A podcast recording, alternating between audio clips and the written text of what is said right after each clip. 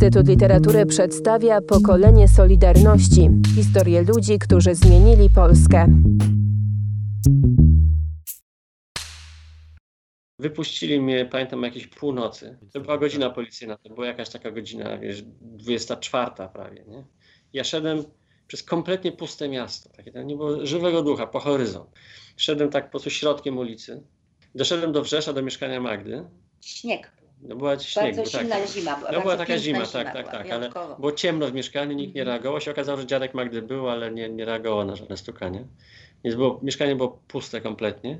Więc poszedłem do takiej mojej przyjaciółki z, z klubu wysokogórskiego, która mieszkała tam no, 10 minut dalej i tam w środku nocy do nich przyszedłem i się zapytałem, czy mogę przenocować, bo właśnie wyszedłem z więzienia. I, a tam Przyjęła. niestety były nasze książki, no. No. Ale nie, nie, do Hani poszedłem. Aha, do Hani poszedłeś. Do Hani poszedłem przecież. No tak, no, Nie wiedziałam, że do Hani poszedł. do Hani poszedłem. No. I w końcu przenocowałem do, do rana u nich, u, u nich i potem rano wyszedłem i teraz już nie pamiętam, czy, czy poszedłem tam tutaj do, do mieszkania, czy twoja mama już wyszła, czy nie wyszła. W końcu chyba nie, chyba... Nie, siedziała 48 godzin. No ja też siedziałem niby 48.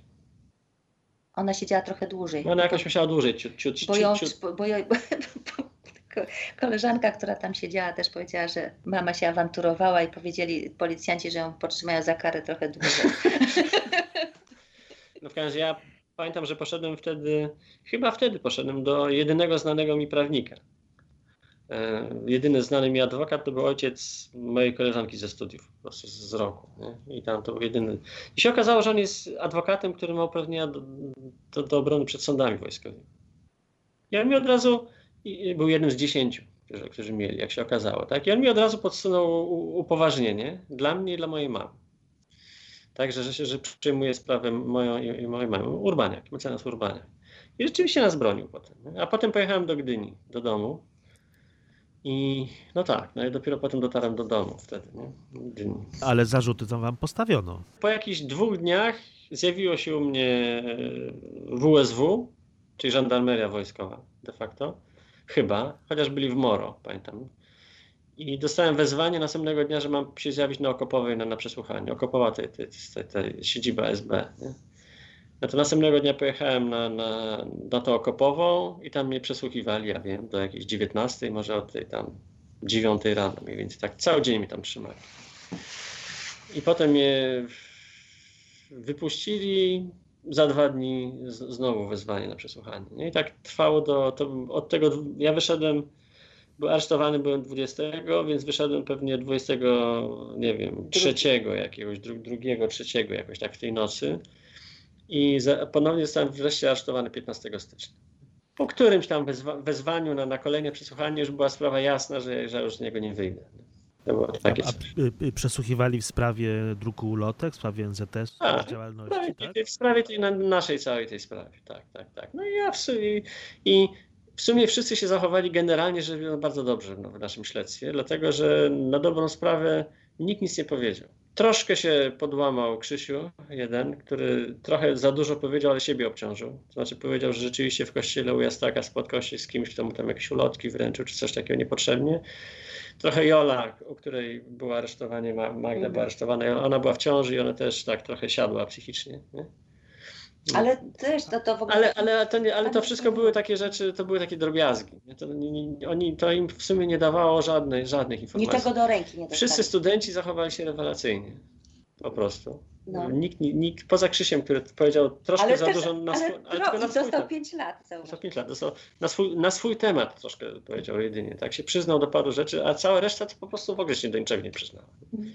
I oni nie mieli nic nie, na nas. Nie mieli drukarni, po prostu nie znaleźli tego powielacza. Wpadli do, tego, do, do, do, tych mieszkań, w których byli. Udało im się w, tej, w tym mieszkaniu madejskich znaleźć w koszu na śmieci ślady farby drukarskiej. No i to był dowód na to, że tam była drukarnia, ale to w sumie, ale nie było tam ani żadnej ulotki, ani nisko. Po prostu trochę niestety żeśmy nie, nie pomyśleli, że, że, że tak, że tak. żeby wyrzucić też po prostu gazetę ze, ze śmietnika. Nie? O tym nie pomyśleliśmy. Tak? Także to znaleźli. To był jedyny dla nich dowód, że tam jakaś drukarnia była, bo mieli potem ekspertyzę no, kryminalistyczną, że to jest rzeczywiście farba drukarska. nie? I zresztą jak był proces, to na procesie madejscy zostali wezwani. Pani Madejska i Jacek Madejski.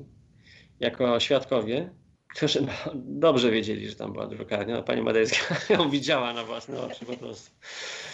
I oni po prostu pod ostrzeżeni, że za składanie fałszywych zeznań tam, nie wiem, Pięć od- lat, pięć tak? lat bodajże wtedy, nie?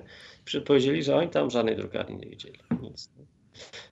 Tadeusz, że- mąż Joli, który, oni byli rozwiedzeni i który jak była ta, ta, ta ekipa tam siedziała, e, Magda tam była, to Tadeusz w pewnym momencie przyszedł do mieszkania i widział ten powielasz po prostu, który tam stał, bo w pewnym momencie ten powielasz stał tam w tym mieszkaniu. Tak, tak, u tak Joli też było. Tak, tak, było. Były, musiał być wcześniej, znaczy wcześniej, wcześniej, na wcześniej, no, gdzieś tam tak. po drodze i on widział ten powielacz i było teraz, Mhm. oni wszyscy się nie, niepokoili, no jak się ta, ta, Tadeusz zachowa, no bo on jest w konflikcie z Jolą, pewno są rozwiedzeni, teraz nie wiadomo jak on tam po prostu, czy on, co on tam powie. No więc Tadeusz został wezwany jako świadek na, na sprawę sądową, więc wszedł. Pierwsza rzecz, jaką zrobił, to podszedł do ławy oskarżonych, cmoknął w rękę moją mamę, Wiesię Kratkowską, no sądu do szału doprowadziło po prostu, nie? że on tutaj nie ma takich gestów wykonywać, tylko ma stać tam, gdzie mu każą. I powiedział, że on tam w życiu żadnego powielacza nie widzi. Także wszystko było, także naprawdę nie mieli nic. Nie? Jak nas zgarnęli z tego kotła, mnie i Jacka Madejskiego razem, razem przywieźli na komisariat na portową w Gdyni. No i, i potem ten, ten, ten ubek, tak, siedzieliśmy na, na, taki, na tym takim holu tam już wewnątrz. No i taki ten ubek tak usiadł, tam z nami jeden z nich i tak zaczął z nami rozmawiać. No, wy, wy to tam tacy młodzi, to tak tutaj, takie, takie, to takie zabawy są w sumie, nie? Bo tam tak, bo to takie dla was to jest taka zabawa, wszystko nie macie żadnych obowiązków, prawda, że takie tam, nie? Ja pamiętam, że ja się mi trochę mnie wkurzył ten u- ubor, że ja nie mam żadnych obowiązków, że nieprawda, że nie mam obowiązków, mam się to psa na przykład, którym się muszę zajmować. Nie? No i prze, pierwsze przesłuchanie, si- si- si- siedzę tam już, nie wiem, z dwie godziny siedzę tam, jestem przesłuchiwany przez jednego z tych ubeków. I nagle wchodzi ubek i mówi, gdzie jest twój pies? Ja tak, a ja mówię, no nie wiem, no pewnie w domu, nie? I, i, i wyszedł, nie? Ja tak tam siedzę i mówię te, temu ubekowi, który mnie przesłuchuje, ja mówię, no tak, aha, no jasne, teraz będziecie mnie szantażować, że zrobicie krzywdę mojemu psu, ale ja się nie dam zaszantażować. I, wtedy, I on tak się rozwiązał, ho, ho, ho, my cię nie musimy tutaj niczym, y, niczym szantażować, twoje własne myśli cię zgnoją. Nie? I na ten, jego śmiech, na ten jego śmiech wszedł ten drugi Ubek, który tam przed chwilą był i mówi, co, dowcip o milicjantach ci opowiedział? Także takie scenki były. Nie? Ten pierwszy Ubek, który mnie przesłuchiwał, to był ten, który Magda aresztował, Krywoszejew. Mhm. Janusz Krywo, Krywoszejew się nazywał. E, On był taki, nie był jakimś tam, nie wiem, mistrzem intelektu moim zdaniem. I on mnie próbował przesłuchiwać w taki sposób, mm, taki, taki szkolny sposób.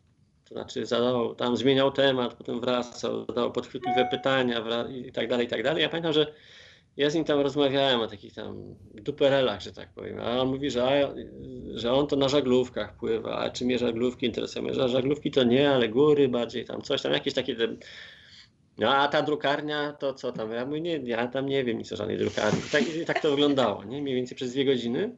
I to było gdzieś tak od 20 do 22.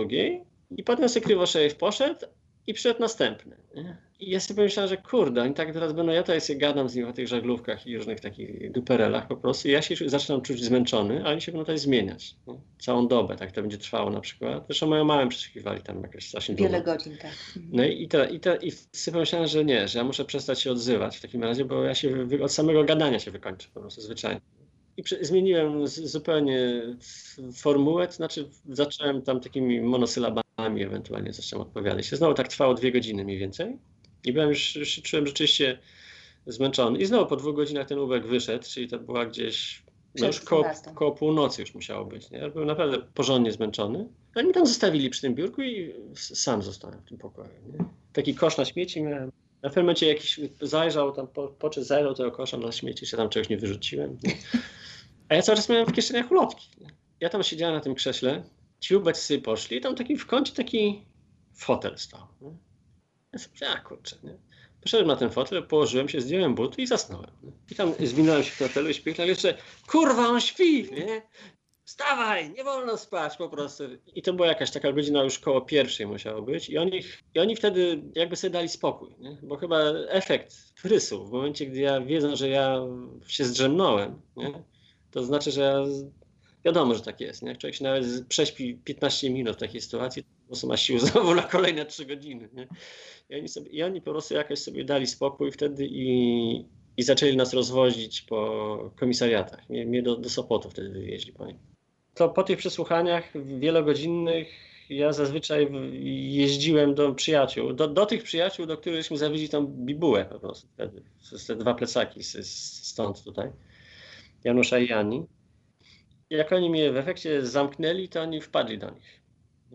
Także oni tam po prostu za, doszli za mną. A ja, a ja, ich traktowałem jako takich ludzi, którzy, bo to, było taki, to byli tacy przyjaciele z gór, ze wspinania nigdy nie byli w żadną działalność opozycyjną zaangażowani. Jakieś takich traktatów. Oni nie chcieli, nie chcieli. Po ja sobie pomyślałem, że to takie neutralne mieszkanie po prostu. No to nic nie, nie, po pierwsze nie pomyślałem, że, że tam są dwa plecaki naszej bibuły. Po drugie nie wiedziałeś, że on ma karabin w kominie wiedziałem, schowany. Wiedziałem, że ma, wiedziałem, że ma karabin. Janusz miał karabin po prostu, mhm. który znalazł kiedyś w lesie i go doprowadził do stanu używalności po prostu. I jak wprowadzili stan wojenny, to go tam zrobił obrzyna takiego z niego, po prostu i go do komina wsadził. Nie? I ja zupełnie zapomniałem o tym, że tam w, w kominie jest karabin po prostu. Nie?